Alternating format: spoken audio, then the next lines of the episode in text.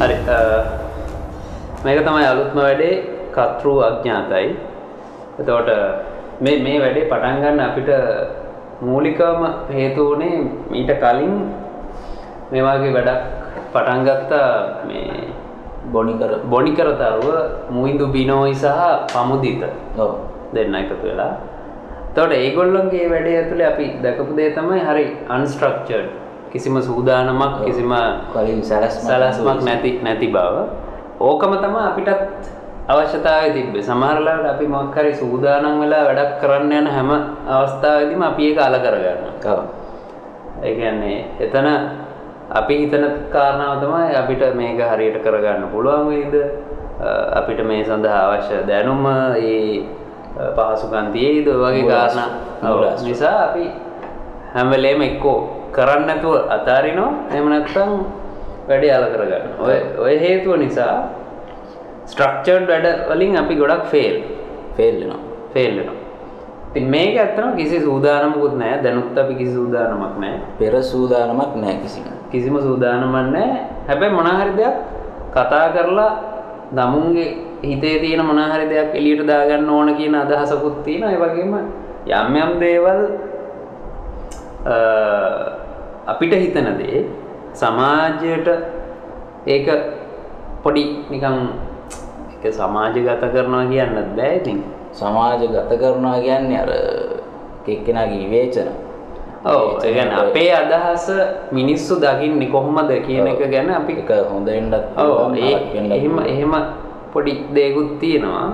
ඉතින් ඔය ඔය හැම කාරණාවම ගැන හිතලා අන්තිමට මේක ප්‍රධානම කාරණා ඇත්තරම අපේ සෙල්ෆ් සැටිස්ෆැක්ෂන් ඔව් අපිට අපි ගැන ආත්ම තෘප්තිය ආත්ම තෘප්තියක් එහෙම නැත්නම් අපිට දැනෙන දේවල් ටික එළියට දා ගැනීමක් වගේ ගත්තා මෙතන ප්‍රධාන කාරණාව. එතනින් එහාට ඉතින් තව කෙනෙක්ටත් ඒකින් ඕන නම් ආතල්ලයක් ගන්න. පුළුවන්. තව කෙනෙක්ටත් උත්සාහ කරන්නත් පුළුවන් ඔව්. එතකොට දැන් අපි කවුද කියන එකත් කියන්න ඕනේ. කවුද කියන්නේ ඉතින් කට්ටු අඥාතයි කට්ටු අඥාතයි කිව්වම ඉතින් කවුද කියලා කියන්න ඕමනාවක් නැහැ. මොකද අපි කවුද කියලා අපි කියන්න කැමති නැති හින්දා තමයි කට්ටු අඥාතයි ඔව් කියන්නේ. ඔව් ඒක මෙතන සමහර කාරණා අපි මටත් තියෙන ප්‍රධාන කාරණාව තමයි මම මොන හරි දෙයක් කරන්න කැමති සමාජයට යමක් අ, එළියට දාගන්න කැමති හැබැයි මම කවුද කියන එක මට එළියට දාගන්න ඕනේ නැහැ. ඔව් ඒ කියන්නේ අර ඉමේජ් එකක් බිල්ඩ් අප් කිරීමක් නෙමෙයි. Icon. හරි විදිහකට.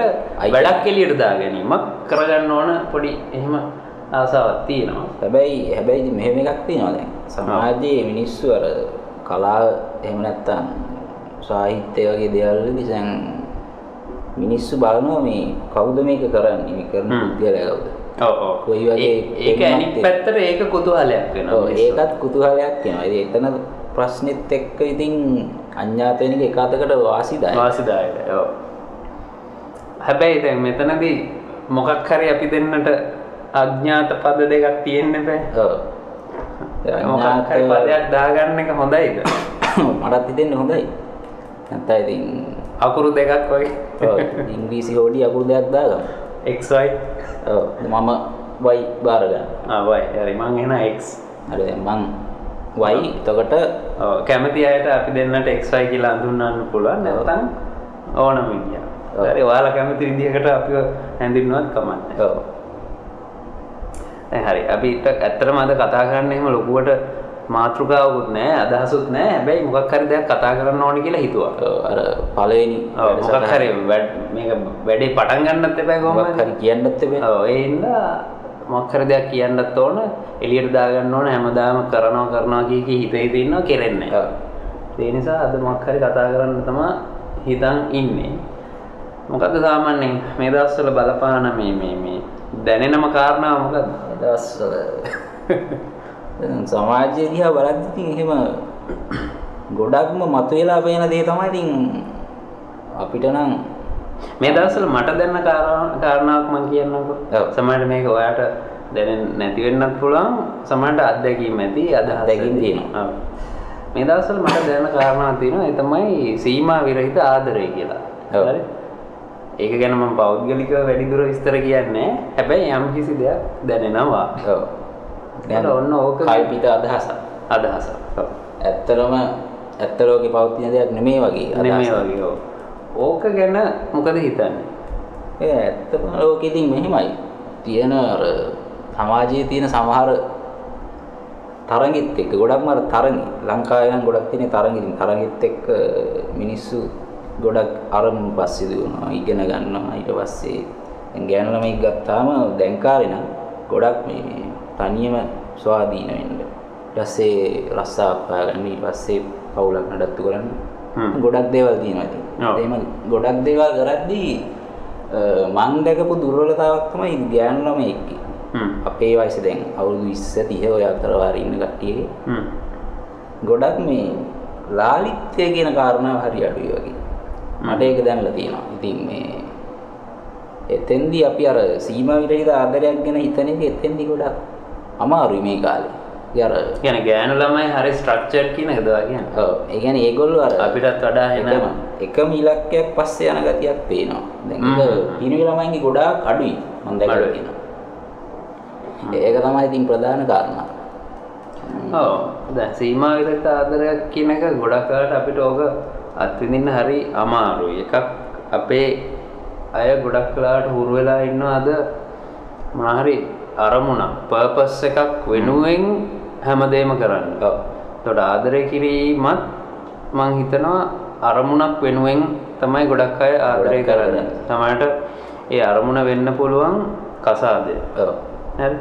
හැබැයි ගොඩක් වෙලාවට වෙන කාරණාව තමයි කසාදය අරමුණු කරගෙන බඳින අය සමහරලාට ඇත්තටම ආදරය කරනවද ඇත්තටම කියලා ප්‍රශ්නයක් තියෙනවා. කියන්නේ එතනදී කසාදයකින් කෙලවර වෙන්න ඕනද ආදරය කියලා ප්‍රශ්නකුත් තියෙනවා. ආදරය කියන එක ඒක අපිට කසාද බඳින්න නැතුව අත්විඳින්න බැයිද? හ්ම්. ගොඩක් දේවල් තියෙනවා. ඉතින් අරමුණක් එහෙම නැත්නම් පර්පස් එකක් වෙනුවෙන් කරන ආදරයක් සමහර වෙලාවට මං හිතනවා ඒක සීමා විරහිත තත්වයකටම යන්නේ නැහැ. ඔව්. සමහර අවස්ථාවලදී ඒක ඒ අරමුණු නිසා ඒකේ තියෙන ඒ ස්වභාවය වෙනස් වෙන්න පුළුවන්.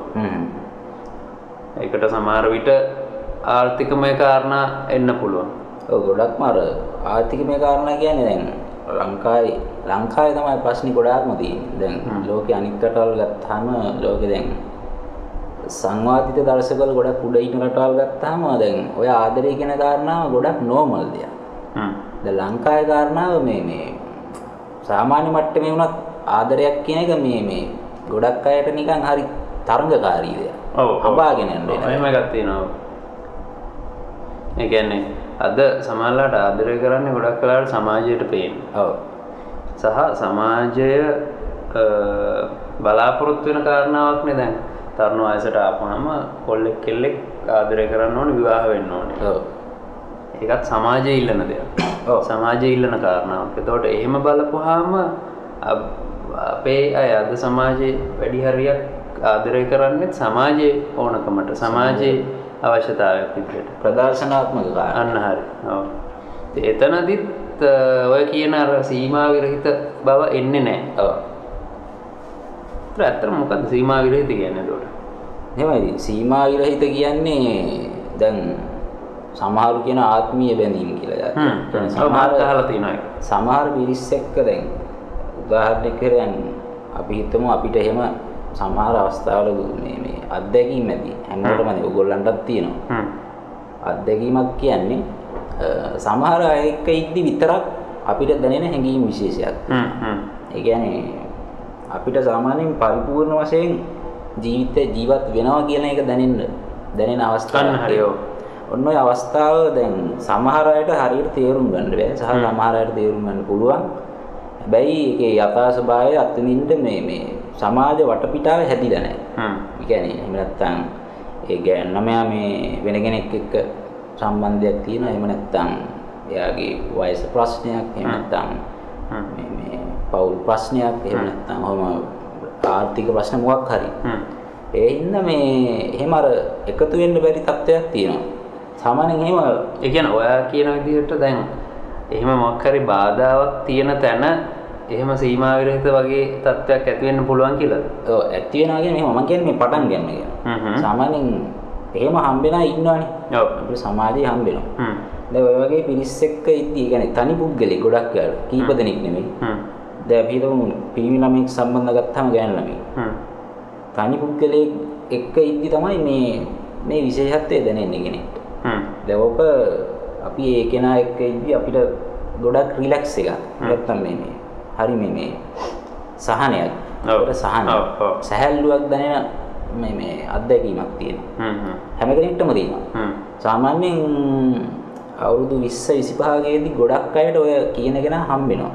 හම්බ වෙනවා. ඔව් හම්බෙනවා. ඒ කියන්නේ ඒක මනෝවිද්‍යාත්මකව කියන දෙයක්. හ්ම්. කෙනෙක්ට හම්බෙන්න ඕනේ. ඒ කියන්නේ යාර අවස්ථානු ආස්ථානුකූලව ඒක අඳුරගන්න. ඒ කියන්නේ ඒ කියන්නේ ඔයා හිතන විදිහට සීමා විරහිත ආදරය හරි නැත්නම් මොකක් හරි ඔය අපි කියන ආධ්‍යාත්මික බැඳීමක් හරි ওই කාරණාව හැමෝටම හම්බෙනවද? ඔව් බොහෝ විට මුණ ගැහෙනවා. ඒ කියන්නේ අඳුරගන්න බැරි ප්‍රශ්නේ තමයි තියෙන්නේ. අඳුර ගන්න බෑ ඔව්. ප්‍රශ්න. පුද්ගලයාව ඒක ඒක සමහර විට අපි බලාපොරොත්තු නොවන ආකාර වලින් අපි ගාවට එනවා. දැන් දැන් ඔයා දකින්න ලෝකෙ ඉන්න. කැතම ගෑනු ළමයා හ්ම්. ලස්සනම හදවතක් තියෙන කෙනෙක් වෙන්න. වෙන්න පුළුවන්. ඒක අනිත් පැත්ත වෙන්නත් පුළුවන්. හ්ම්. ඔව්. නැත්තම් කැතම එක්කිනා නරකම කෙනා වෙන්නත් පුළුවන්. වෙන්නත් පුළුවන්. ඔව්. කියන්නේ ඔයාට නොගැලපෙනම කෙනා. ඒ කියන්නේ පැහැදිලිව අඳුර ගන්න පුළුවන් අර ඇස් වලට දකින්න එකයි කනට ඇහෙන එකයි. නාසයට සුවඳක් දැනෙනවා. ස්පර්ශය. ඔය ගොඩක් ඔය පහක් තියෙනවානේ මේ ඇස කන නාසය දිව ශරීරය මාසය කියලා පහක් තියෙනවා. හ්ම්. ඔය පහටම දැනෙන දේවල් තියෙනවනේ අපිට. ඕකට අමතර හදවතට. හිතට දැනෙන දේවල්.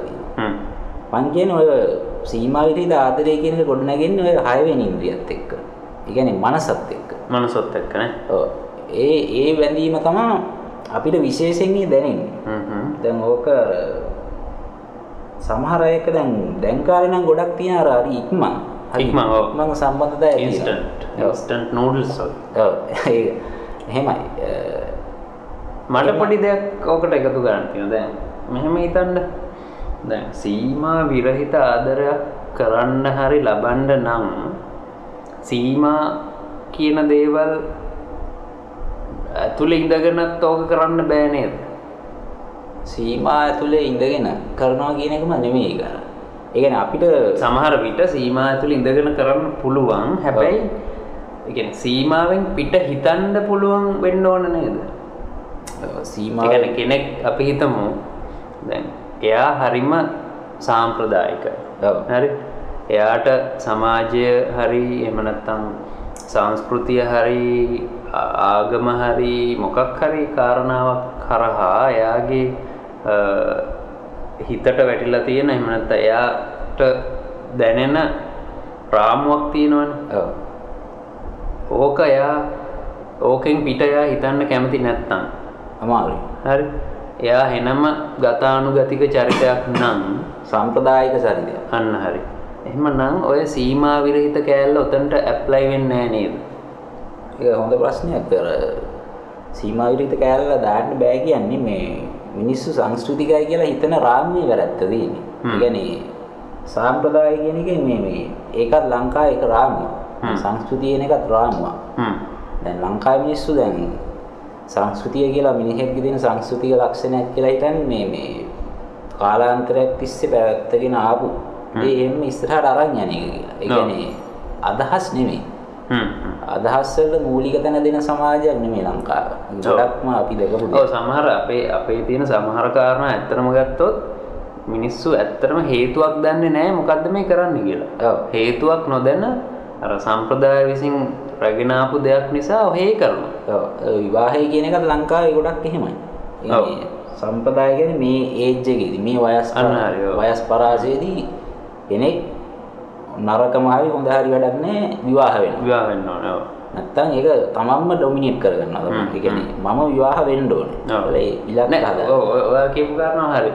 ගොඩක් වෙලාවට මේ සමාජය විසින් ඒ දාන අදහස අන්තිමට තමුන් හරහා තමයි ඒක කියන්නේ තමුන්ම ඒක තමුන්ටම ඒ ඉරණම අත්. ඒ කියන්නේ තමුන්ම හිතනවා හරි. මන් දැන් මොන මගුල කරත් මොන මොන තත්ත්වෙ හිටියත් මේ වයස වෙද්දි මම විවාහ වෙන්න ඕනේ කියන ඒ හැඟීම එයා තුලින්ම දැන් එයා. ඉෂ්ට කරගන්න ඒක මං හිතන්නේ ඒක මේ වයසක් අවශ්‍යයි මේ මේ වයසේ විවාහ වෙන්න ඕනේ මෙහෙම කියලා. ඔව්.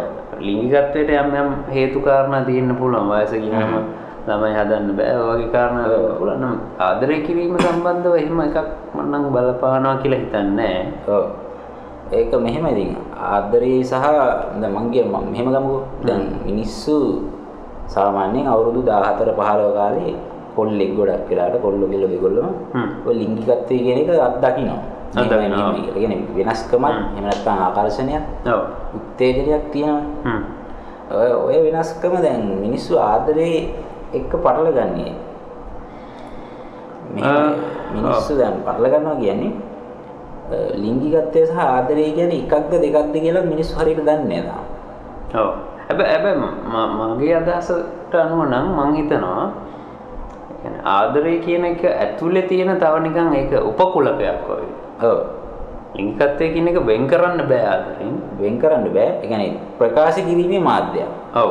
ආදරය ප්‍රකාශ කිරීමේ මාධ්‍යයක්. ඒ කියන්නේ දැන් අපි ගොඩක් වෙලාවට හිතන්නේ දැන් ලිංගිකත්වය කියන එක දැන් මේ- දැන් හිතච්ච දෙයක් මට. කියන්නේ මේක ඇත්ත වෙන්නත් පුළුවන්, වැරදි අදහසක් වෙන්නත් පුළුවන්. ලිංගිකත්වය සහ ආදරය කියලා මිනිස්සු හිතන දේ හිතන්නේ ගොඩක් වෙලාවට ගෑනු මිනිස්සු ගෑණියෙක් පිරිමියෙක් අතර. සිද්ධ වෙන නිකන් ලිංගික සම්බන්ධ. ඒ කියන්නේ- බේසික් විදියට. කියන්නේ කෙලවරටම හිතනවා. මිනිස්සු. කියන්නේ කොල්ලෙක් කෙල්ලෙක් කතා කරන එක, කෙල්ලෙක්. කොල්ලෙක් කතා කරන එක. ඒකේ දැන් සමාජේ කෙලවරටම හිතනවා ඒක. හ්ම්. ඒ කියන්නේ මුල මුල ඉඳන් හිතන්නේ නැහැ. ඒ කියන්නේ මේ පිරිමියෙක් පිරිමියෙක් එක්ක කතා කරන එකත් ලිංගිකයි ලෝකේ. ඔව්. පිරිමියෙක්. ගෑණියෙක් එක්ක කතා කරන එකත් ලිංගිකයි. ඔව්.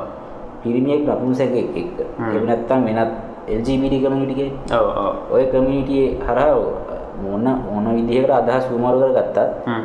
අර මෙහෙම කතාවක් තියෙනවා මේ අහලා තියෙනවා ගොඩක් අය අහලා ඇති සමහර අය ආවෙ නැතුව ඇති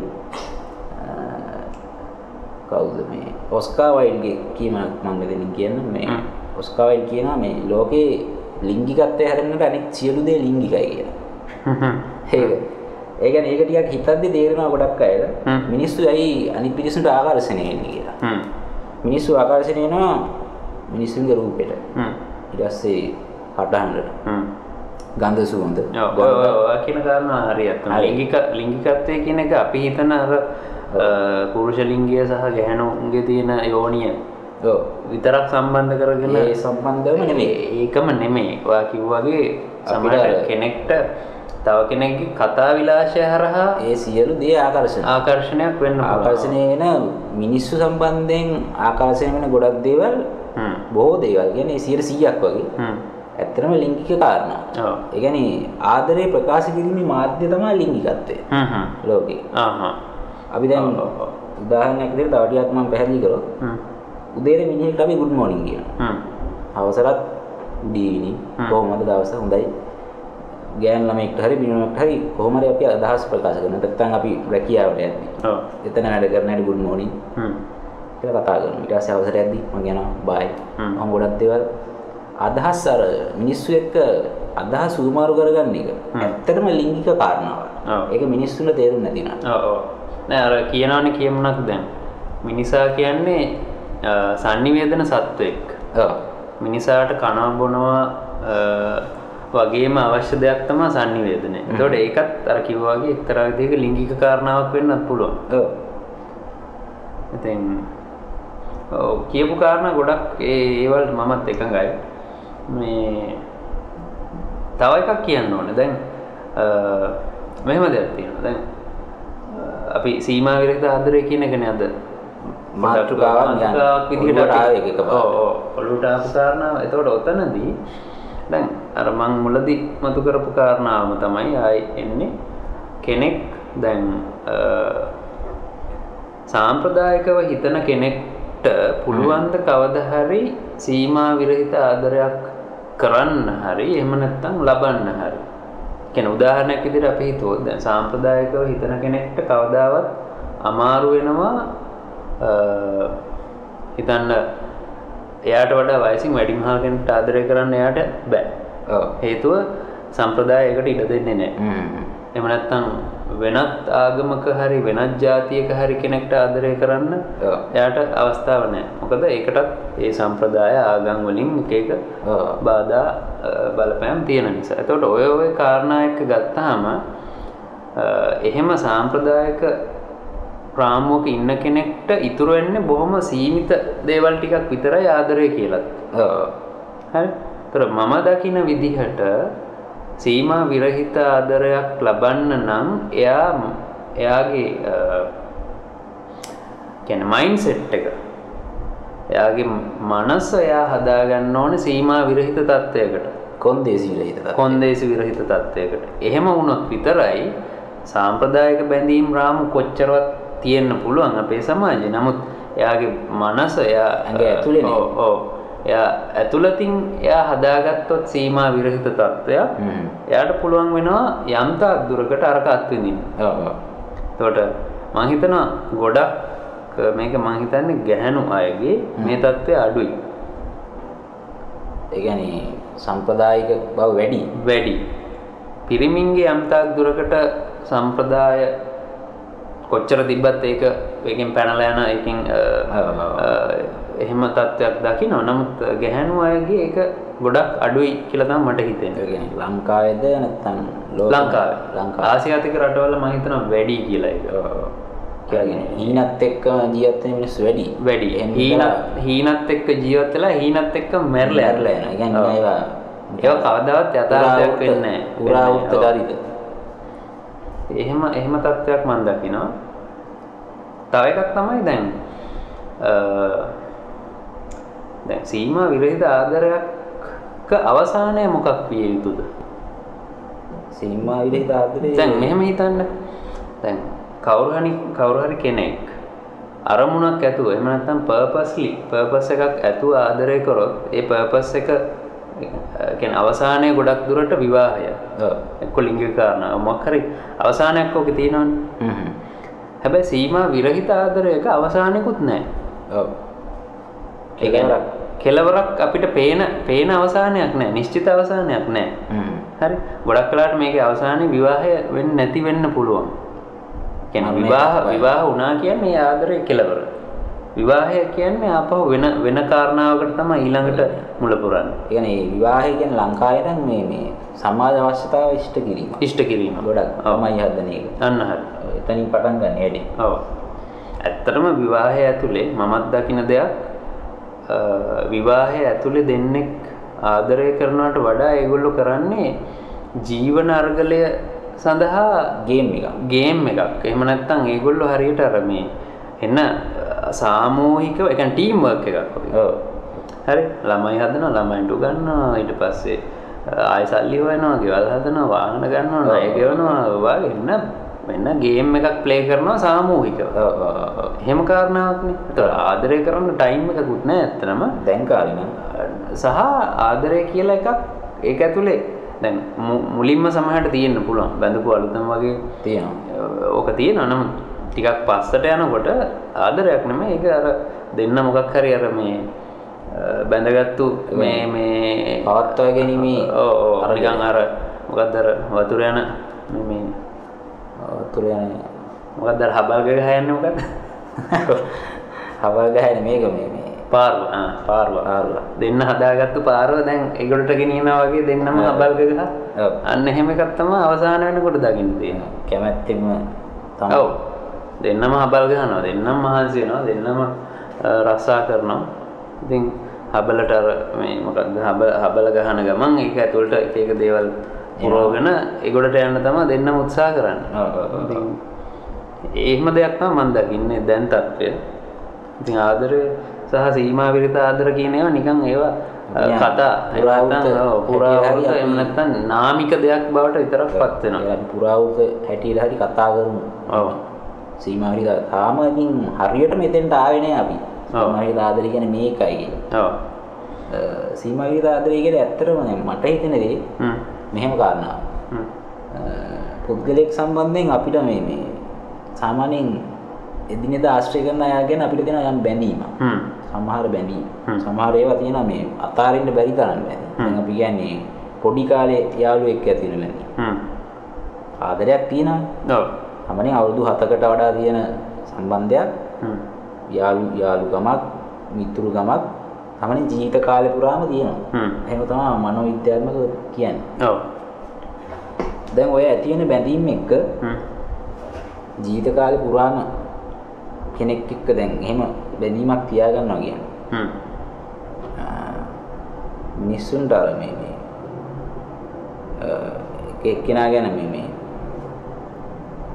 මේ අදහසක් ප්‍රකාශ කරගන්න අදහස් ඉන්නේ එහෙම මේ වගේ දෙයක් ඒක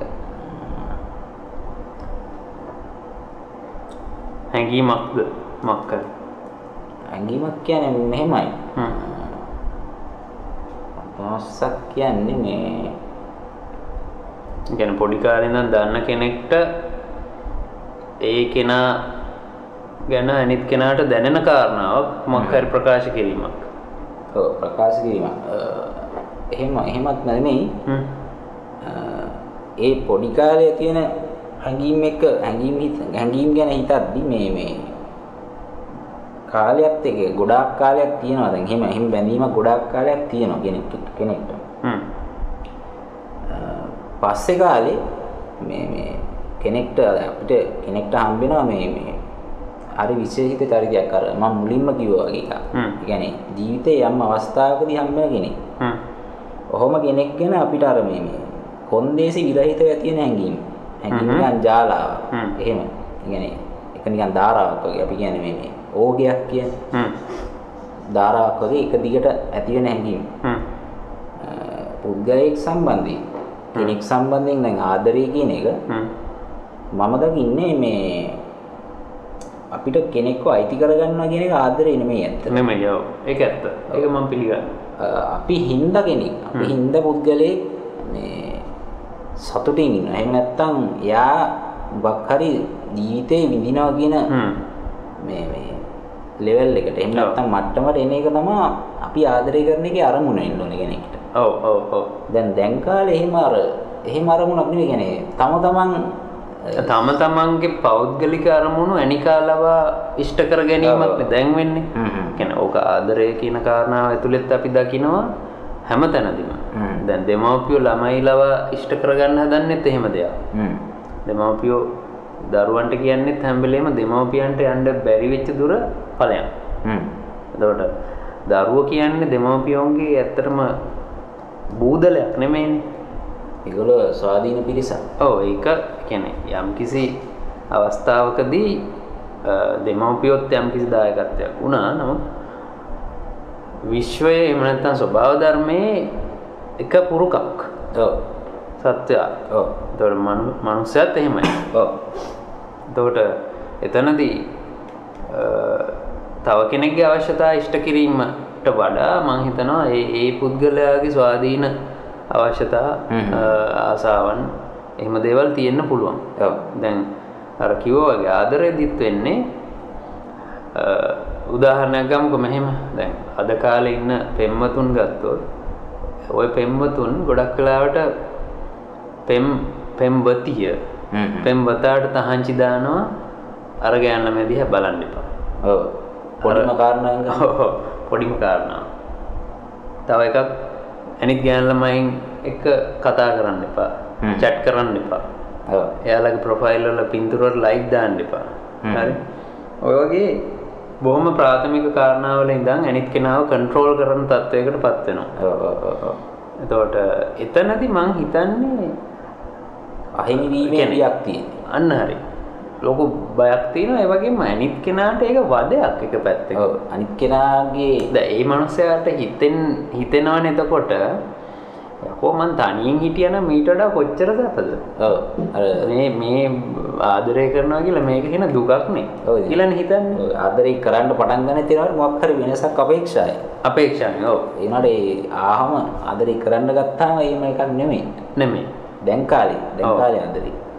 ඉතින් එතකොට දැන් අර විදිහට දිගින් දිගටම වෙන්න ගත්තට පස්සේ ඇනිකාව කන්ට්‍රෝල් කරනවා වගේ දෙයක් දැනෙන්න ගත්තට පස්සේ ඒක සීමා විරහිත කෙසේ වෙතත් ඇනිත් මිනිහා ඒකෙන් සෑහෙන පීඩනයකට ලක් වෙනවා. ඔව්. ඉතින් ඒක හරහා මං හිතන්නේ කෙනෙක්ට ආදරය කියන එක හරියට දැනෙන්ඩ හ්ම්. දැනෙන්ට අරන්න. පුළුවන් කියලා කුඩුවකට දාලා ගැහුවා මම හිතන විදිහට තමයි කෙනෙක්ට අපි ඇත්තරම ආදරය කරනවන අපි යා කැමති දේවල් කරන්න යාට ඒ නිදහස දෙන්න ඕන ඔව් ඒ කියන්නේ යා හිතියට වඩා නිදහසෙන් ඉන්න ඕනේ. නිදහස ඉන්න සමහට එයා අපිත් එක්ක කතා කරන අතරතුර තව කෙනෙක් එක්ක කතා බහ කරන්න කැමති නම් ඒකට ඒකට. නිදහස දෙන්න ඕන. ඒ ඉඩ යාට දෙන්න ඕන. ඒක තමයි තෝට අපි එයාට දක්වන ආදරය. ඇනිකාගේ පහසුව ඇනිකාගේ කැමැත්ත අකමැත්ත ගැන අපි එයාට දෙන ඔව්. එයාට දෙන ඉඩකඩ. ඔව්. ඉඩකඩ වැඩි කියන්න එයා එයා එකට සතුටුයි ඉඩකඩ අඩුවෙනවා කියන්න එයා හරි අමාරුවෙන් ජීවත් වෙන්න තොට ඔව්. ඕකෙම ඉතින් අනිත් පැත්ත පිරිමි ළමයි ගෑනු ළමයින්ට කරන දේවල්. ඔව් ඔව් ඒක නම් හරි ගොඩක් මේ මේ කතා කරන්න ඕන දේවල් ටිකක් තියෙනවා එතන මේ. පිරිමි ළමයි ගොඩක් මේ ගෑනු ළමයින් මේකට ගොඩක් කැමති වගේ තේරෙනවා. ඩොමිනේෂන් කියන එක. එහෙම නැත්නම් මේ කන්ට්‍රෝල් එහෙම නැත්නම් යටතේ ඉන්න අන්න හරි. ඒ කියන්නේ ස්වාධීන පාලනය කිරීමක් තමන්ගේ ස්වාධීනත්වය නැති කරගන්න ගෑනු ළමයි සමහර පිරිසක් නෙමෙයි බොහෝ පිරිසක් කැමැත්තක් ඒ තියෙනවා. කියන්නේ නිකන් හරියට අර වහල් භාවයට ලක් වෙනවා ඔව්. ආදරේදී ගොඩක් ගෑනු ළමයි ඒකට කැමතියි කියලා හිතෙනවා.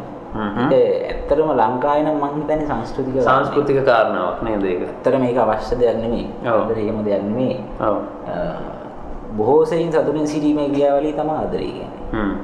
ඇත්තටම ගැහැණු ළමයෙක්ව වුණත් කන්ට්‍රෝල් කරන්න කිසිම අවශ්‍යතාවයක් නැහැ ඔව්. කියන්නේ එයාලටත් නිදහසක් තියෙන්න ඕනේ එයාලා කැමති විදිහට අඳින්න පළඳින්න එයාලා කැමති විදිහට ගමන් බිමන් යන්න කතා කරන්න. එයාලා කැමති අයත් එක්ක ආශ්‍රය කරන්න යාළු මිත්‍රකම් පවත්වන්න ඒ නිදහස ඒගොල්ලන්ට දෙන්න ඕනේ. එතකොට ගැහැණු ළමයි අර විදිහට හිතනවා නම් ඒක එයාලගේ අදහසක් නෙමෙයි ඒක සමාජයේ සංස්කෘතිය විසින් එයාලගේ ඔළුවලට දාපු දෙයක්. ඔව් ඔව් ඔව්. ඉතින් ඒ නිසා ඒක මම දකින්නේ ඒක ඒක එච්චරම හොඳ දෙයක් කියලා. නමුත් ඉතින් සමාජයේ ඒක හොඳයි කියලා පිළිගන්නවා. ඒ නිසා සමාජය හොඳයි කියන හැම කාරණාවම අපේ කට්ටිය කරනවා. ඒකනේ ඒකනේ අවසානයේ වෙන්නේ. සමාජය නරකයි කියන ඒවා කරන්නේ. හැබැයි ඔය සමාජය නරකයි කියන සමහර සමහර කාරණා ඇතුලේ අපි නොහිතන සමහර හොඳ දේවල් තියෙනවා අර හොඳයි කියන කාරණා වලටත් වඩා. නිසා- හරි නරකයි හරි කියලා කියන්නේ ඇත්තට මිනුම් දනු නෑ. ඔව්. ඒ කියන්නේ විචාර බුද්ධිය. අනිවාර්යයෙන්. අනිත් එක ඒක සාපේක්ෂ කාරණාවක් නිසා අපි කාටවත් බෑ කෙනෙක්ට එයා කරන දේ බලලා ඒක නරක දෙයක් හොඳ දෙයක් කියලා එහෙම එකපාර කියන්නත් බෑ. ඒක පුද්ගලයාට අනුව සාපේක්ෂ කාරණාවක්. හ්ම් හ්ම් හ්ම්. ඉතින් අ, සීමා විරහිත ආදරය ඇත්තරම මේක ගැන ඩෙෆිනිෂන්ස් එම නැත්නම් අර්ථ දැක්වීම් හරි අමාරුයි හොයාගන්න. එක එක අය ඒකත් විවිධ විදිහට අර්ථ දක්වනවා. සීමා විරහිත ආදරය කියනකට වඩා කියන්නේ තනි වචනෙන් අපි කියමු කියන ආදරය. හ්ම්. තනි වචනෙන් ආදරේ ආදරය කියන්නේ අර මුලින් කිව්ව එක තමයි මිනිහෙක් අර ගොඩාක් සතුටින් ඉන්න ක්‍රියාවලිය. අන්න. මිනිස්සු හරි ලෝභයි. ඔතන සීමා විරහිත කෑල්ල අවශ්‍යත් නැහැ. හේතුව අපි ආදරය කිරීමේදී එකිනෙකාට සීමා නොපන ගන්න ගන්න නැතුව ඉන්න තාක්කල්. ඒක තමයි සීමා විරහිත ආදරය. ඔව්. ආදරය ඒ ඇත්තම. නමුත් කොච්චර දුරට ඕක ප්‍රායෝගිකද කියන ප්‍රශ්නය අපිට තියෙනවා. ඔයාට එහෙම එකක් හම්බෙලා තියෙනවා ජීවිතේ. සීමා විරහිත ආදරේ මං කරලා තියෙනවා කියලා මං හිතනවා සමහර අවස්ථාවලදී. එහෙම ඉතින් ලෝකමකට කියනවා නෙමෙයි ඉතින්. එහෙම කරන්න පුළුවන්. උත්සාහ කරලා බලන්න පුළුවන්. හැබැයි මේ අවධානමක් ගන්න එපා කියලා තමයි කියන්න තියෙන්නේ. මොකද කියන්නේ ඔයාගේ ඔයාගේ පැත්තෙන් ඔයා කරලා තියෙනවා නමුත් ඔයාට ලැබිලා නැහැ කියන එක. ඔව් ලැබෙන්න ඇත්තම ලැබෙන්න ඕන දේකුත් නෙමෙයි. ආදරය කියන්නේ දෙන්න ඕන දෙයක්. ඔව්. ලැබෙනවා කියන එක ඉබේ සිද්ධ වෙනවා. සාමාන්‍ය ඉබේ සිද්ධ වෙන දෙයක් ආදරය කියන්නේ ඉබේ හට ගන්න දෙයක්. ගොඩක් අයට එහෙමයි. දැන් කාරණා කොහොමද දන්නේ සාමාන්‍යයෙන් අපි දන්න කාලේ අපි කියන්නේ 2000 2000න් වගේ පස්සේ කාලේ. අපි සාමාන්‍යයෙන් 2005 ඔය කාලේ සාමාන්‍යයෙන් අපි තරුණ කා කියන්නේ වැඩිහිටි වියට එන්න කිට්ටු කාලේ. සාමාන්‍යයෙන් මුල් මුලින්ම ගෑනු ළමයි ගැන ඇති වෙන හැඟීම හරි පිරිසිදුයි කියලා මම හිතනවා. හ්ම්.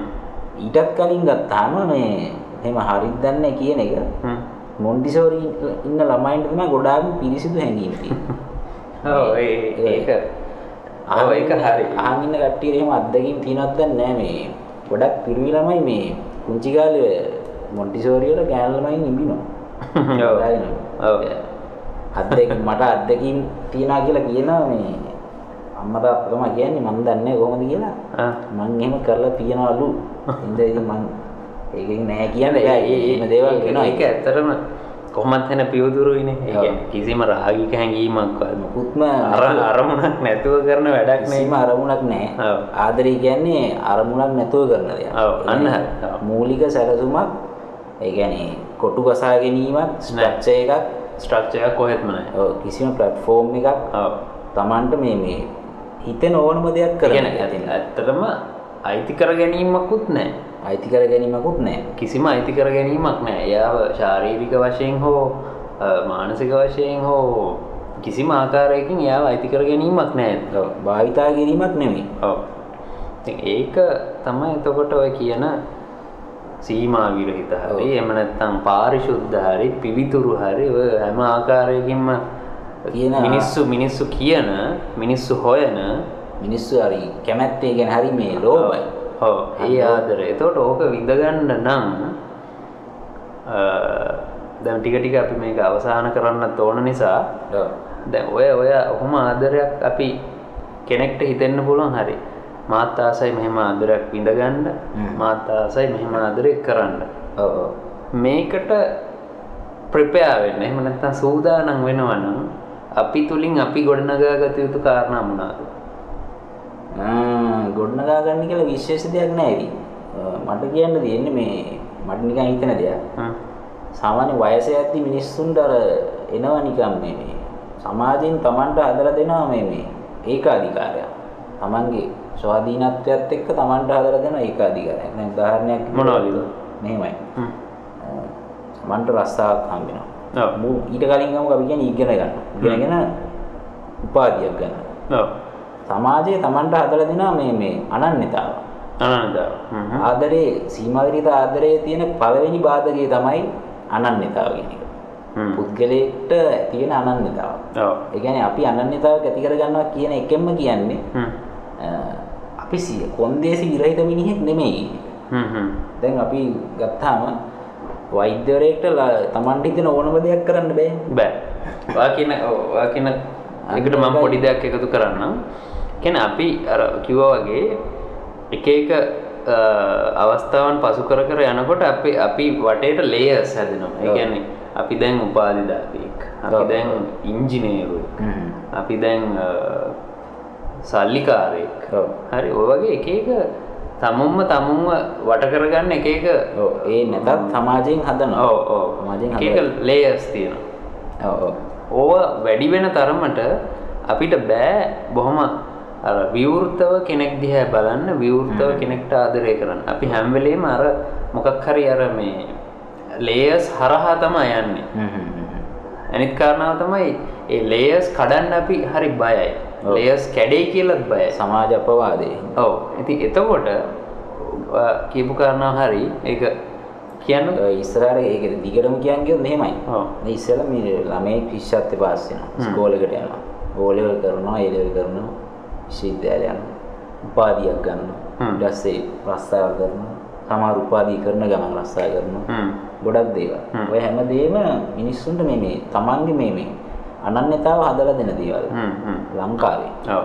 මේ ලංකාවේ අනිත් රටවල් ගැන එච්චරම මේක ප්‍රබල අදහසක් නෙවෙයි. මොකද ඒ රටවල ඔය මේ රැකියාවත් එක්ක සමාජ මට්ටම මනින තත්ත්වය ගොඩක්. තත්ත්වයක් නෑ. ලංකාවේ වෙලා තියෙන්නේ අර එහෙම මනින හින්දා මිනිස්සු ගොඩාක් මේ ඒකම සමාජ තත්ත්වය කියලා හිතාගෙන ඉන්නවා. හ්ම්. ඇත්තම කාරණා ඕක නෙමෙයි. මිනිහෙක් වයසේ යද්දි යද්දි මේ පොඩි ළමෙක් වගේ හිතන්න පුරුදු වෙන්න. මොකද පොඩි කාලේ අවුරුදු අවුරුද්දක් වගේ වයස තියෙන පොඩි ලදරුවෙක්ට. තමයි ගොඩාක් පිරිසිදු හැඟීම්. ඔව්. මේ මේ හරි පියෝ. හ්ම්. ජෙනුයින්. ඔව් ජෙනුයින් එයාගේ ජෙනුයින් මානසිකත්වයේ මතුවෙන්නේ ඒ කාලේ. මොකද එයාට නැති වෙන ඕන දෙයක් වෙනුවෙන් එයා අඬනවා. හ්ම්. තියෙන ඕන දෙයක් වෙනුවෙන් එයා සතුටු වෙනවා. ඔව්. පොඩි සෙල්ලම් බඩුවක් දැක්කම පොඩි එකේ කඩනවා කෑ මේ hina වෙනවා කෑ ගහනවා සතුටු වෙනවා. මොනවා හරි නැති වුනහම අඬනවා. එහෙම.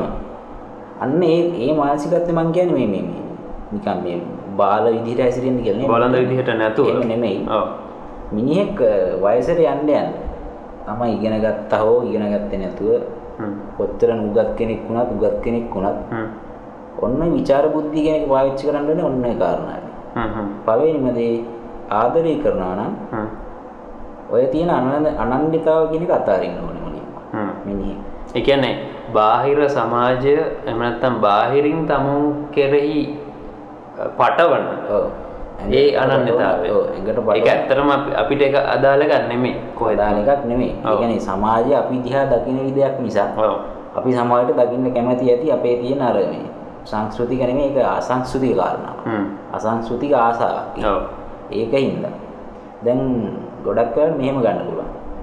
අසාද බැඳ අලුත තියෙන ආදරේ කල්යද්දියද්දි ඇත්තටම නැති වෙන්නේ. ඔය කියන අනන්‍යතාව Taman හදලා දෙනවා. හ්ම්. දැන් ගෑනු කෙනෙක්ට. ගෑනු ළමයෙක්ට බැඳ අලුත නිකන් බැඳපු අලුත. හ්ම්. ගෑනු ළමයි. ඔව්. කාලයක් යද්දි මෙයා ගැහැණියක් වෙනවා. අම්මෙක් වෙනවා. අන්න සීමා හදනවා සමාජය. ඔයා දැන් කෙල්ලෙක් නෙමෙයි. ඔයා. ගැහැණියක්. ගැහණිය. ඔයා අම්මා කෙනෙක්. හ්ම් හ්ම්. ඔයාට මෙහෙම අනන්‍යතාවක් තියනවා කියලා සමහරලාට දැන් ඔව් ඔයා කියන කාරණාව හරි දැන් කෙල්ලෙක් කසාද බැඳලා ළමෙක් හම්බුනහම ගැහණියක් වුණාට පස්සේ ගැහණියකට සමහරට දරුවට සහ ස්වාමි පුරුෂයාට ඇරෙන්න වෙන කෙනෙක්ට ආදරය කරන්න බෑ ඔව්. එහෙම දෙයක්ත් තියෙනවා සමාජයේ. හරි නමුත් එයත් මිනිස්සෙක් ඔව්. හරි එයාට සමහරට ආදරය කියන එක දැනෙන අවස්ථා අවශ්‍යතාව තියෙනවා. ඔව් ආදරය කියන එක අර එහෙම අවශ්‍යතාවකටත් වඩා. අර ගොඩක්ම අර ගෑනමයි පරිණත වෙනවා. හරි පරිණත වෙන එක. දැන්. සමාජෙ මම දැකපු දෙයක්. හරි ඉක්මනට මේ ගෑනමයි නම් පරිණත වෙනවා. හ්ම් හ්ම්. ඔය කියන දැන් ඔය අම්මලා වෙනවා, ළමයි හදනවා. හ්ම් ඒ කියන්නේ වයසට යන්න යන්න ගෑ ගෑනුවන්ට තමයි ගොඩ ඔය ප්‍රශ්නේ ගොඩක්ම තියෙන්නේ. ඒ කියන්නේ ඒගොල්ලෝ තමයි ආදරයේදී මූලික කාරණා. දැන් සමාජේ. ඔව් ආදරය කියන එක හරි ප්‍රබලව මතු කරන්න පුළුවන් ගැහැණිය. ගැහණියට ඔව් ඔව් එයා තමයි අයිකන් එක. ඔව් ආදරය කියන්නේ. එයා තමයි පවත්ව ගන්න මේ. අර සින්දුව ගත්තේ ආදරේ උල්පත අම්මා හරි. ඔව් එතන ඉඳන් පටන් ගන්න. ආදරේ පටන් ගන්නෙත් ගැහැණියකින් ඉවරෙන්නේ ගොඩක් වෙලාවට නැත්තම් මිනිහෙක් නැත්තරම නැති ඉන්නෙත් ඒකෙන්ම තමයි. ඒ කියන්නේ ගැහැණියකින්ම තමයි. ඔන්න ගැහැණු පරිණත වෙනවා කියන එක තමයි ආද මම කියන්නේ මේ කොන්දේසි විරහිත එහෙම නැත්නම් සීමා විරහිත ආදරයක් නවතින්න ප්‍රධාන හේතුව. ඒ කියන්නේ වයසට වයසට ගිය ගෑනු ගොඩක් අර තමන්ගේ ස්වාමි පුරුෂයාට කතා කරන විදිය බලන්න. දැන් කාලේ සමාජයේ. මං හරිය අඩුයි දැකලා තියෙනවා ලක්ෂයකට එකක් දෙකක් ඇති එහෙම පවුල් ඉන්නවා යාළුවෝ වගේ ඉන්නවා. කොච්චර. වයස ගියත්. ඔව් අන්න එහෙම බැඳීම් අද හරි අඩුයි. කාලේ අද කාලේ මං කියන්නේ ඒ ලාමක ගතිය තියෙන්න ඕනේ මිනිහෙක. හ්ම්. ඒ කියන්නේ සංවේදී. එතන එතන ඒ ඔයා ලක්ෂකින් එකක් දෙකක් හරි එහෙම දකිනවා නම්. ඒ දකින්න හේතුව තමයි මේ මිනිස්සු අර රාමුව ඔව් යම් අනන්‍යතාව තාක්කරකට ඒක ලිහිල් කරගෙන ඉන්නේ ඔව් අනන්‍යතාව බොහෝ දුරට ආදරය ඇතුළේදී ඒගොල්ලෝ ඒක භාවිතා කරනවා. භාවිතා කරන්නේ ඔව් පිටත සමාජෙදී ගොඩක් අය භාවිතා කරනවා. ඔව්, වෛද්‍යවරු. ඉංජිනේරු, ත්‍රිවිල්කාරයෙක් වුණා. ආදරේදී අනන්‍යතාවක් අවශ්‍ය නැහැ ඇත්තටම. අවශ්‍ය නැහැ ඔව්. පුද්ගලයෝ එතන දැන් කියනා වගේ ඕක අනන්‍යතාවය කියන කාරණාව සමහරලාට මෙහෙමත් එන්න පුළුවන් මිනිස්සුන්ට. දැන් හිතන්න වෘත්තියක් හරි ඉගෙනීම හරි ඔය අධ්‍යාපනික කාරණා වගේම ජාතීන් විදියට. අරය සිංහල. ඔව්. මෙයා දෙමළ මෙයා මුස්ලිම්. අ, එහෙම නැත්නම් මෙයා බෞද්ධ කතෝලික මෙයා හින්දු ඔය. ඔය විදිහට උනත් අනන්‍යතා ඕන නෑ අපිට අනන්‍යතාව ඇත්තටම මේක අවශ්‍ය නැති දෙයක් තමයි. ඔව්. මොකද ලෝකේ සියලු දෙනාට ආදරය දැනෙන විදිහ එක එක සමානයි. එකම අවශ්‍යතාවය. ඔව් සියලු මිනිස්සුන්ගේ අවස්ථාවල් ගත්තාම කන බොන අදින පළදින කරුණාම අන්තිම අවශ්‍යතාව ආදරේ. හ්ම් ඒක නැතුව ගොඩක් මිනිස්සු ජීවත් වෙන්නේ නැහැ ඇත්තටම. ඒක ජීවත් වීමකුත් නෙමෙයි. ඔව් සතෙක්ට උනත් ඒක ඕනේ. ඔව් ඒ කියන්නේ ජාතීන් වශයෙන් බෙදෙනවා කියන එක ඇතුළෙම තියෙන්නේ හරි මේ මේ සංස්කෘතික නැති ගතිය. හ්ම්. ඒ කියන්නේ මේ ඒක ගෝත්‍රික සමාජයේ තියෙන දෙයක්. ඒක ගෝත්‍රික ගතියක්. ඒ කියන්නේ ලංකාවේ නම් ඕක මිනිස්සු බණී එහෙම කිව්වහම හ්ම්. නමුත් මං හිතන්නේ දැන් කවුරු හරි කෙනෙක් සවිඥානිකව හිතුවොත් ඔව්.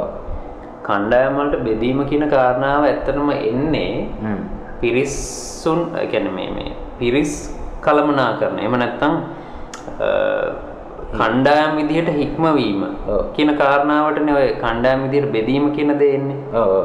එතකොට මොකද එක පොකුරක් විදිහට හිටියොත් හරි අමාරුයි කළමනාකරණය කරන්න. හ්ම් එතකොට පොඩි පොඩි කණ්ඩායම් විදිහට බෙදනවා කියන්නේ ඒක එක්තරා විදිහක ඒ ඒ ඒ සමාජය විසින් ඒ කණ්ඩායම් පාලනය කිරීම සඳහා කරපු මොකක් හරි උපක්‍රමයක්. ඇත්තටම බලය පවත්වා ගැනීමේ උපක්‍රම උපක්‍රමයක්. ඔව්. ඕක ඕක තමයි එතකොට මිනිස්සු අර අන්තිමට ඇඳගන්නේ ওই කාරණාවේදී තමයි. දැන් නිකමට හිතන්න. දැන් ඔය මම දකිනවා මේ මේ මේවා මේ Facebook වල පාරේ තොට යනකොට එහෙම සමහරු බෙදෙනවා තමුන්ගේ ඉස්කෝලේ.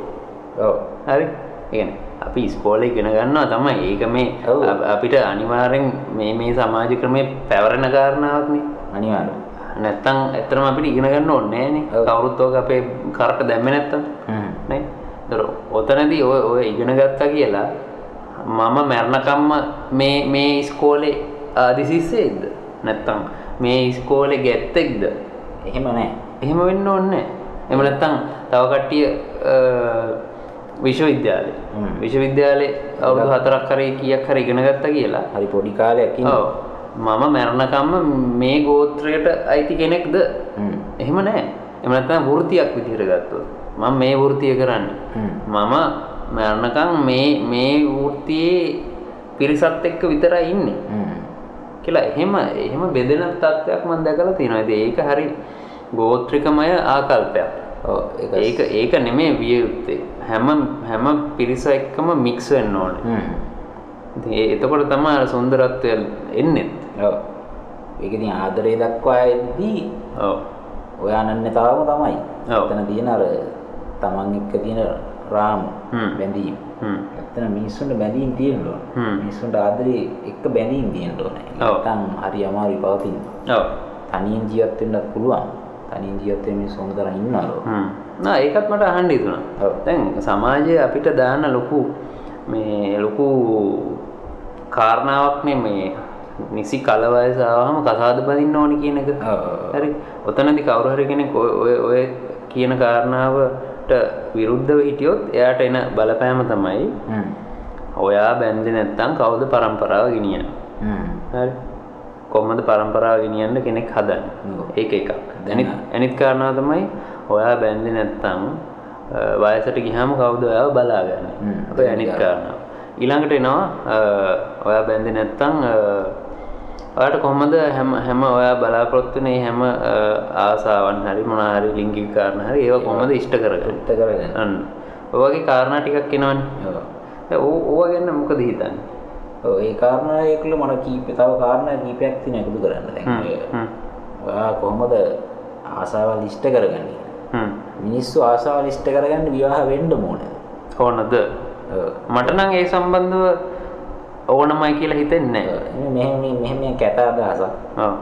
මිනිස්සු ඇයි මේ ස්වයං නින්දනය කරන්නේ හ්ම්. විවාහයට කලින් කලින්. විවාහ වුණායත් කරනවා කරනවා. හ්ම්. ඕකනේ ආතල් එකටනේ කරන්නේ ඔව් ඔව්. ආතල් ඔය ඔය කිව්ව කාරණාව හරි. විවාහ වුණා කියලා ඒක ඕක නවතින්නේ නවතින්නේ ඇත්තටම නවතින්නේ හරි විවාහ වෙච්ච පුද්ගලයොත් අනන්තවත් ඕක කරනවා. ඉතින් එතකොට එහෙනම් ඇයි ඇයි විවාහ වෙන්නේ? ඒ කියන්නේ අර විවාහ නොවී ඉන්න එකේ එන අපවාද ටික මම කියන්නේ හැදුවේ හ්ම්. දැන් ඕක එක්කෙනවා මේ මේ ලංකාවේ සමාජ විතරයි තියෙන්නේ හ්ම්. මේ සමලිංගිකත්වය කියන්නේ ඔව්. ඇයි මිනිහෙක් විවාහ නොවෙන්නේ. සමලිංගිකයෙක් ඔව්. එයා හ්ම්. එහෙම නැත්නම් එයා ට්‍රාන්ස්ජෙන්ඩර් අදහස් තියෙන කෙනෙක් එහෙම නැත්නම් එයා ඉන්ටර්සෙක්ස් කෙනෙක්. ඒ කියන්නේ නපුංසක හ්ම්. ගොඩක් තියෙනවා එහෙම නැත්නම් දැන් ගෑනු කට්ටිය ගත්තොත් ලෙස්බියන් ඔව්. එහෙම එහෙම එකක් ඔය වගේ ප්‍රශ්න තියෙනවා ලංකාවේ ඉස්සෙල්ලම දැන් කාලේ නම් ගේන්නේ අර කවුද බලාගන්නේ. අම්මා තාත්තලා පුළුවන් හැමදාම බලාගන්න ඔය කාරණාව නෙමෙයි අර ලිංගික කාරණා ටික. ඇයි ලිංගිකත්වය ලංකාවේ මූලික කරන්නේ? ඒ කියන්නේ අර සීමා විරහිත ආදරය කියන එක ගැන අදහසක් ඇත්තෙම නෑ ලංකාවේ. මිනිස්සු මේ මිනිස්සුන්ට ආදරය කරන්න පුරුදු වෙනවා ඉස්සෙල්ලා. හ්ම්. ඉගැන තනි කෙනෙක්ට කරන්න කලින්. මිනිහෙක් සාමාන්‍යෙන් තමන්ට මුට මුණගේ ඕන කෙනෙක්ට ඔව්. යම් කිසි සුහදත්වයක් තියෙන්ලුව හ්ම්. හැබැයි ඒක මූනෙන් පෙන්වා කියලා එකක් නෑ හ්ම්. දකි නැමේකාටම උදේට ඊගල විරිත්තගෙන යන්න මේ ඔව්. එහෙම විරිත්තගෙන යන්න ඕනේ නෑ හැම එක එක්කම hinaන්න ඕනෙත් නෑ ඔව්. හැබැයි හිතේ තියෙන්න ඕනේ ඔව්. සීට් එකක් ඕන කෙනෙක්ට සීට් එකක් දෙනවා කෝච්චි හ්ම්. බස් එකේ හ්ම්. නැත්තම් බෑග් එක ගන්නවා ඔව්. නැත්තම් කෝච්චි එල්ලලා යනවා අල්ලගෙන යනවා කට්ටිය හ්ම්. වැටෙන්න ඕන වෙන්න ඉන්නේ ඕන තරම් අල්ලන් යනවා අපි දැකලා තියෙනවා. අත්දැකීමෙන් කියන්නේ හ්ම්.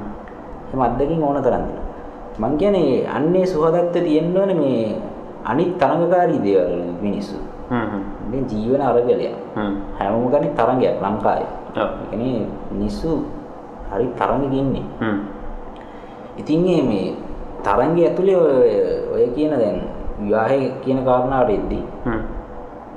මිනිස්සු විවාහ නොවී ඉන්න එක එයාගේ එක අතකට අයිතියක් වෙන්න ඕන. හ්ම්.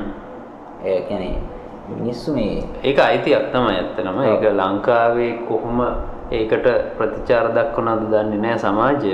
නමුත් ඒක ඇත්තටම අයිතියක් ඔව් තමාට විවාහ නොවී සිටීමේ පරිපූර්ණ අයිතිවාසිකම තියෙනවා. ඒ කියන්නේ මේක කිව්වා කියලා දැන් මේ අහන්න හිතන්න එපා අපි මේ මේ දැන් අපි සිංහල ඉන්න අපි මේ සිංහල ජාතිය අඩු කරන්න තමයි මේක කරන්නේ. මේ අපි දැන් මේ තෙලක් ගහන්නේ. තෙල කියන වචනේ දන්නවා මේ විශ්වවිද්‍යාලය යන කට්ටිය දන්නවා තෙල කියන්නේ ඇඟට වදින්න නිකන් හිත වෙනස් කරන බ්‍රේන් වොෂින් කියන කාරණාව.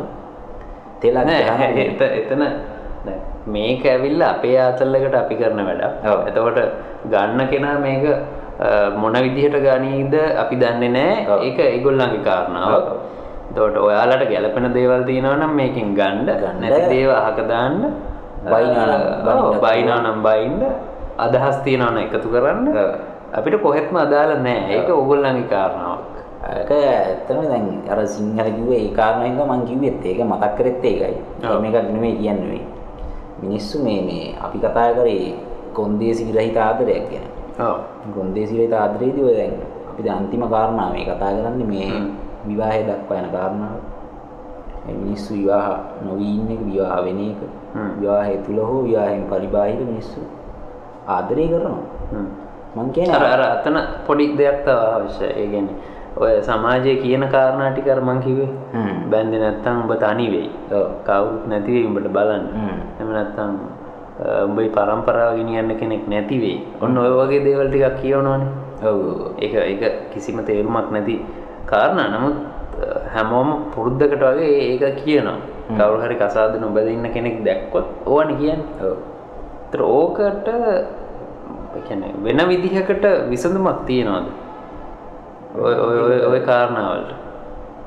විසඳුමක් ලංකාවේ දැනට නම් නැහැ. ලෝක මට්ටමින් නම් ඔකට තියෙන විසඳුම් තියෙනවා. මොකද. ඒගොල්ලෝ අර ඔය වයසට ගිය කට්ටිය බලා ගන්න එහෙම ඕන තරම් ප්‍රෝග්‍රෑම්ස් තියෙනවා. ලංකාවේ ඉස්සරහට හැදී. ගොඩක් වෙලාට හැදී. ඔව් ඔව්. ඒකනේ යා- මං කියන්නේ අර විවාහ වෙන්න හැබැයි හැබැයි හැබැයි මෙහෙම දෙයක් කියන්නකෝ මම. ඔය වයසට යාම කියන කාරණාව ඇතුලේ දැන් සමහර මම දැකලා තියෙනවා පවුල් අම්මයි තාත්තයි තනි වෙනවා ළමයි ටික ඔක්කොම වෙන කියන්නේ හොඳට ඉගෙනගෙන වෙන රටවල් වලට ගිහින් ඒ රටවල් වල සමහරට වෙනම පවුල් ජීවිත ගත කරනවා. ඔව් හොඳ පොයින්ට් එකක් ඒක. එතකොට අම්මයි තාත්තයි අන්තිමට ලංකාවේ තනි වෙනවා. ඔව් අන්තිමට ඒක ඒ ඒ ඒ අම්මයි තාත්තගේ ළමයි හරි පෝසත් හරි දියුණුයි හරි උගත්. නමුත් අවසානයේ අර කියපු ඒ අම්මට තාත්තට මේ ළඟ ඉද්දි බලාගන්න සලකන කතා බහ කරන්න කෙනෙක් නෑ අන්තිමට. එතකොට ඒක කොච්චර අසංස්කෘතිකද? කියන්නේ ඔය ඔය කියන සංස්කෘතිය හ්ම්. ඔය වගේ කාරණා අනන්තවත් වෙනවනේ අද ගොඩක් සමාජයේ. වෙනවා. ගොඩක් දුරට. ඔව් එතකොට ඕක කොච්චරනම් අසංස්කෘතිකද? එතකොට ඔය සංස්කෘතිය ගැන කතා කරන සමහරු. එතකොට ඕකට කතා කරන්නේ නැහැ. ඕක හරි උජාරුවෙන් කතා කරන්නේ. මගේ පුතා දැන් ඉන්නේ මෙහෙ. මගේ පුතා හරි ඉංජිනේරුවෙක්. මගේ පුතා පවුල පිටින් ඉන්නේ හරි. ඔව්.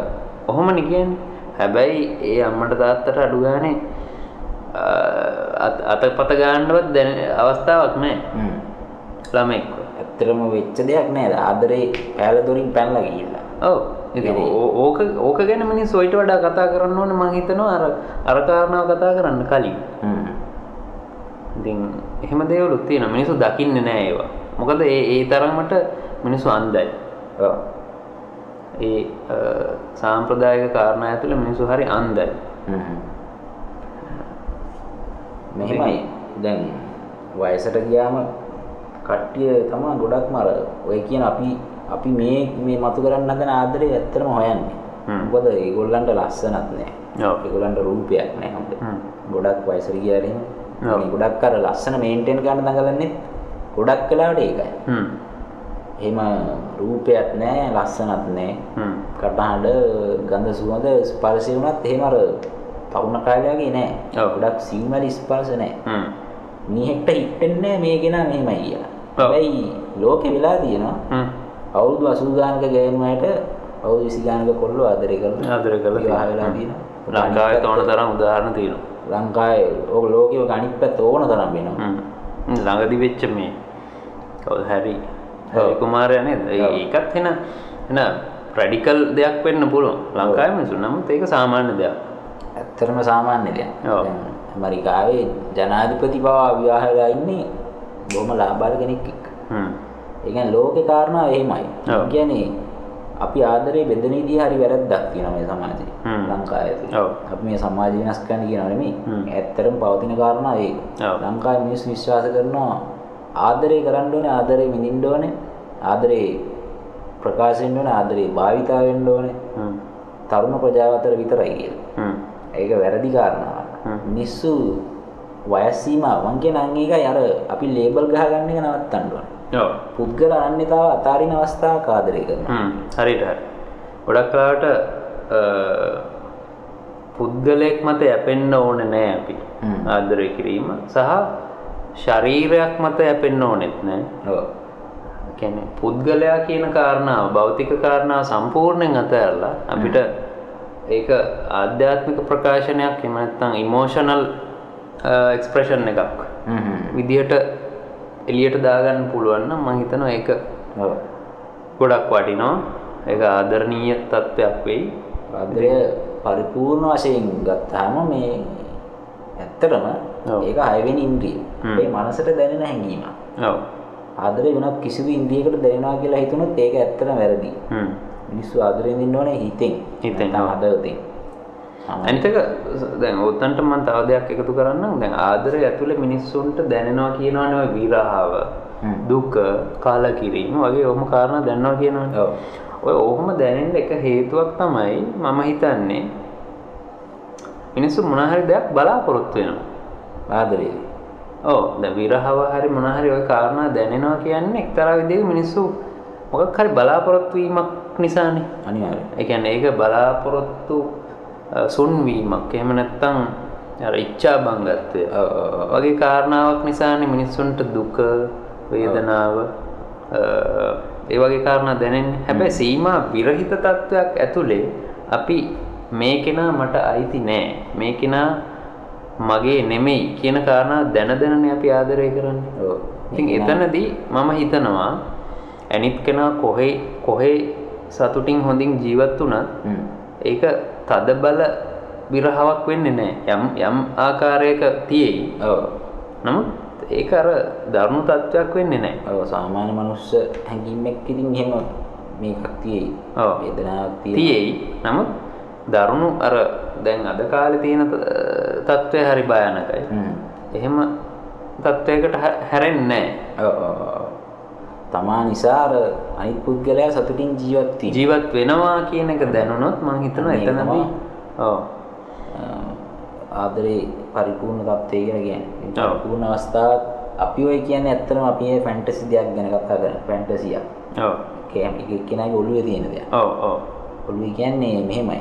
එක එක්කෙනාට තමන්ගේ ජීවිතය ඇතුලේ තමන්ගේ මනස ඇතුලේ ෆැන්ටසි තියෙනවා. මේ මේ දේවල් කරලා මේ මේ දේවල් ලබා ගන්නවා. බලාපොරොත්තු තියෙනවා මට. හ්ම් මෙහෙම ඉලක්ක තියෙනවා. ඔව් ඒ ඔහොම ඉලක්ක මිනිස්සු දියන් ඉන්න එක ඇත්ත මිනිස්සු ෆැන්ටසි හදාගන්න. ඒ ෆැන්ටසි අර යථාර්ථය එක්ක ගට්ටන් ගට්ටනේ වෙන්න ගත්තාම කියන්නේ එක එක සමා සමාන්තරව යන්න බැරි වුණාම මිනිස්සු විරහවටපත් වෙනවා. ඔව් දුකටපත් වෙනවා. ආදරයේදී මිනිස්සු හිතන්නේ ওই කාරණා. හ්ම් මට ඒක අර එහෙම එහෙම දෙයක් නෙමෙයි අත්තරම ඔව් අනන්‍යතාව මුලින්ම සහ මුලින්ම අතාරින අවස්ථාව තමයි ආදරය කරනගෙන. يعني හිතෙන ඕන දෙයක් කරන්න පුළුවන් ආදරය ඇතුළේ. ඔව් ඔව් අරගෙන යුද්ධයේදී සහ ආදරයේදී ඕනෑම දෙයක් සිදු විය හැකියි කියලා හ්ම්. කියන්නේ ඒකයි. හ්ම් හ්ම් යුද්ධයේදී ඉතින් යුද්ධේ යුද්ධ නීතියේදී ඒක අපි කියන්න ඕනේ නැහැ ලංකාවේ බොහෝ කාලයක් තිබුණ දෙයක්. ඒ ආදරයේදීත් එහෙමයි. හ්ම් ඕනෑම දෙයක් සිදු විය හැකියි. හ්ම්. ඕනෑම දෙයක් වෙන්න පුළුවන්. ඔව් මම හිතන්නේ දැන් අපි සෑහෙන කතා කරා පැය පැයකට කිට්ටුවෙන් පැයකට කිට්ටුවෙන කතා කරන්නේ දැන් සීමා විරහිත ආදරය ගැන කතා කරන එක ඒක ඉවරකුත් නෑ. ඒකත් සීමා විරහිතයි. ඔව්, ඒකත් සීමා විරහිතයි. ඒ නිසා මේක ඉවර කරන්නත් ඕන අදට. ඔව්. අවසාන වශයෙන් මොකක්ද කියන්න තියෙන්නේ? අවසාන වශයෙන් අර අනන්‍යතය කතාව තමයි කියන්න. තියෙන්නේ. ඒ කියන්නේ ඔයාලට පුරුදු වෙන්න. අපි නිකන් මේ ලෝඩ්ලා වගේ ඇත්තම කතන්දරේ අපිත් මේක තාම ගවේෂණය කරනවා අපිත් ගවේෂණය කරනවා අපි ලෝඩ්ලා නෙමෙයි. ඔව් අපි පොරවල් නෙමෙයි. හැබැයි අපිට හැබැයි මම මම හිතනවා කවුරු හරි කෙනෙක් කවදා හරි මේක අත්විඳින්න ඕන කියලා ඔව්. එතකොට තමයි ජීවිතේ සම්පූර්ණ වෙන්නේ. එක තප්පරයක් හරි ඒක අත්විඳින්න ඕනේ. අත්විඳලා බලන්න. ඔව්. මං කියන දේ උත්සාහ කරලා බලන්න මේ අනන්‍යතාවක් නැතුව එක විනාඩි 10ක් හරි. සමාජයක ඉඳලා බලන්න. හිතලා බලන්න. ඔය කියන ආදරේ පොඩ්ඩක් හරි දැනෙයි. හ්ම්. ඒකට තවත් දැන් මම එකතු කරන්නම් හරියට නැති වෙන්න සහ රැකගන්න දෙයක් නැති තැන ඔව්. ඔයගොල්ලන්ට ඒ ඔය කියන සීමා විරහිත කාරණාව දැනේ. ඔව්. ඒක හරි නිදහස් දෙයක්. ඔව්. එතන ඇත්තටම නිකන් හරියට සීරෝ වගේ බිඳුවයි. මොකක්ද කියලා කිසිම දෙයක් නැහැ. අත්දැකලම් බලන්න. ඔව්. හැමෝටම මේ අත්දැකීම් ඇති. හැබැයි මේ වෙලාවට ඉතින් 100ක් ඉන්නේ නැතුව ඇති. දැන් එහෙමනම් අපි අදට වැඩේ නවත්තමු මේ අවසාන වශයෙන්ුත් කියන්න තියෙන ඉතින් මේක අපේ ආතල්ලකට කරන වැඩක්. අපි අපිට දැනෙන කාරණා අපි එලියට දාගන්නවා මේ මේ. විදිහට මේක එක්තරා විදිහක අපේ ප්‍රකාශන මාධ්‍ය බලන කට්ටිය මේක බලන්න නෙමෙයි අහන්නනේ පුළුවන් නේ ඔව්. බලාගෙන අහන්නත් පුළුවන්. බලාගෙන අහන්නත් පුළුවන් ඒගොල්ලන්ටත් අදහස් තියෙනවා නම් මේකට එකතු කරන්න පුළුවන් සහ මේකට විරුද්ධ වෙන අය ඇති අනන්තවත් අපි කියන කාරණා සෙට් වෙන්නේ නැති අය ඇති ඕන තරම් ඒගොල්ලෝ එයාලගේ අදහස දාන්න ඒක ඒකටත් අපි ගරු කරනවා ඔව්. අ, අනිත් කාරණා තමයි මේක කිසිම මේ මේ මේ මේ කාටවත් මඩ ගහන්නවත් කවුරුවත් විවේචනය කරන්න එහෙම දෙයක් නෙමෙයි මේක මේක අපේ අ, හුදෙක් හ්ම්. ආස්වාදය. සඳහා පමණයි ගොඩක් ඇත්තටම ඕක කියන්නත් වෙනවා ගොඩක් අය ලංකාවේ. ඔව් ලංකා කට්ටියට තේරුම් ගන්න බෑ ඔය ටික තේරුම් කරන්න ඔය ටික අපිට කියන්න එනවා අකමැත්තෙන් උනත්. ඇත්තටම එහෙම කියන්න අපි බැඳිලා නැහැ ඔව් කාටවත්. බැඳිලා නෑ සහ ඒක අපේ කාරණාවකුත් නෙමෙයි කොහෙත් මේක ගන්න කෙනා තමයි ඒක තීරණය කරන්නේ ඔව් ගන්න විදිය. තේරුම් ගන්න විදිය ඔයගොල්ලෝ තමයි තියන්නේ ගන්න ඊනම් හැමෝටම මේ බොහොම ස්තුතියි. ඔව් බොහොම ස්තුතියි අපි ආයි මොකක් හරි මේ වගේ කතන්දරකින් කිසිම තේරුමක් නැති තේරුමක් නැති අපිට හිතෙන තේරුමක් තියෙන අපිට දැනෙන කාරණාවක් එක්ක අපි කතා කරමු අපිට තේරුමක් තියෙන දෙයක් ගැන තේරුමක් තියනවා කියලා හිතන දෙයක් ගැන කතා කරමු. ඔව් එහෙනම් ජයවා ජය වේවා.